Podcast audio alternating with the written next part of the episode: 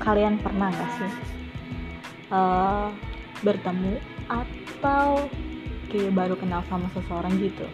Nah awal openingnya dengan huruf P, P, P, dan P. Dari sekian banyak opening kayak selamat pagi, selamat siang, selamat malam Assalamualaikum atau apa pun itu seseorang ini mungkin keinget zamannya BBM kali ya. Jadi isinya P P P dan P. Dan kalau dia nanyanya ke aku aku akan balasnya R.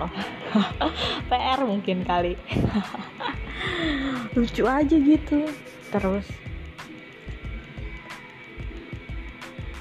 kalau misalnya udah dibalas gitu terus langsung dibalas lagi. Lagi apa? Ah sudahlah kamu tahu kan ending chat ini membosankan? Atau bakal berakhir ke mana gitu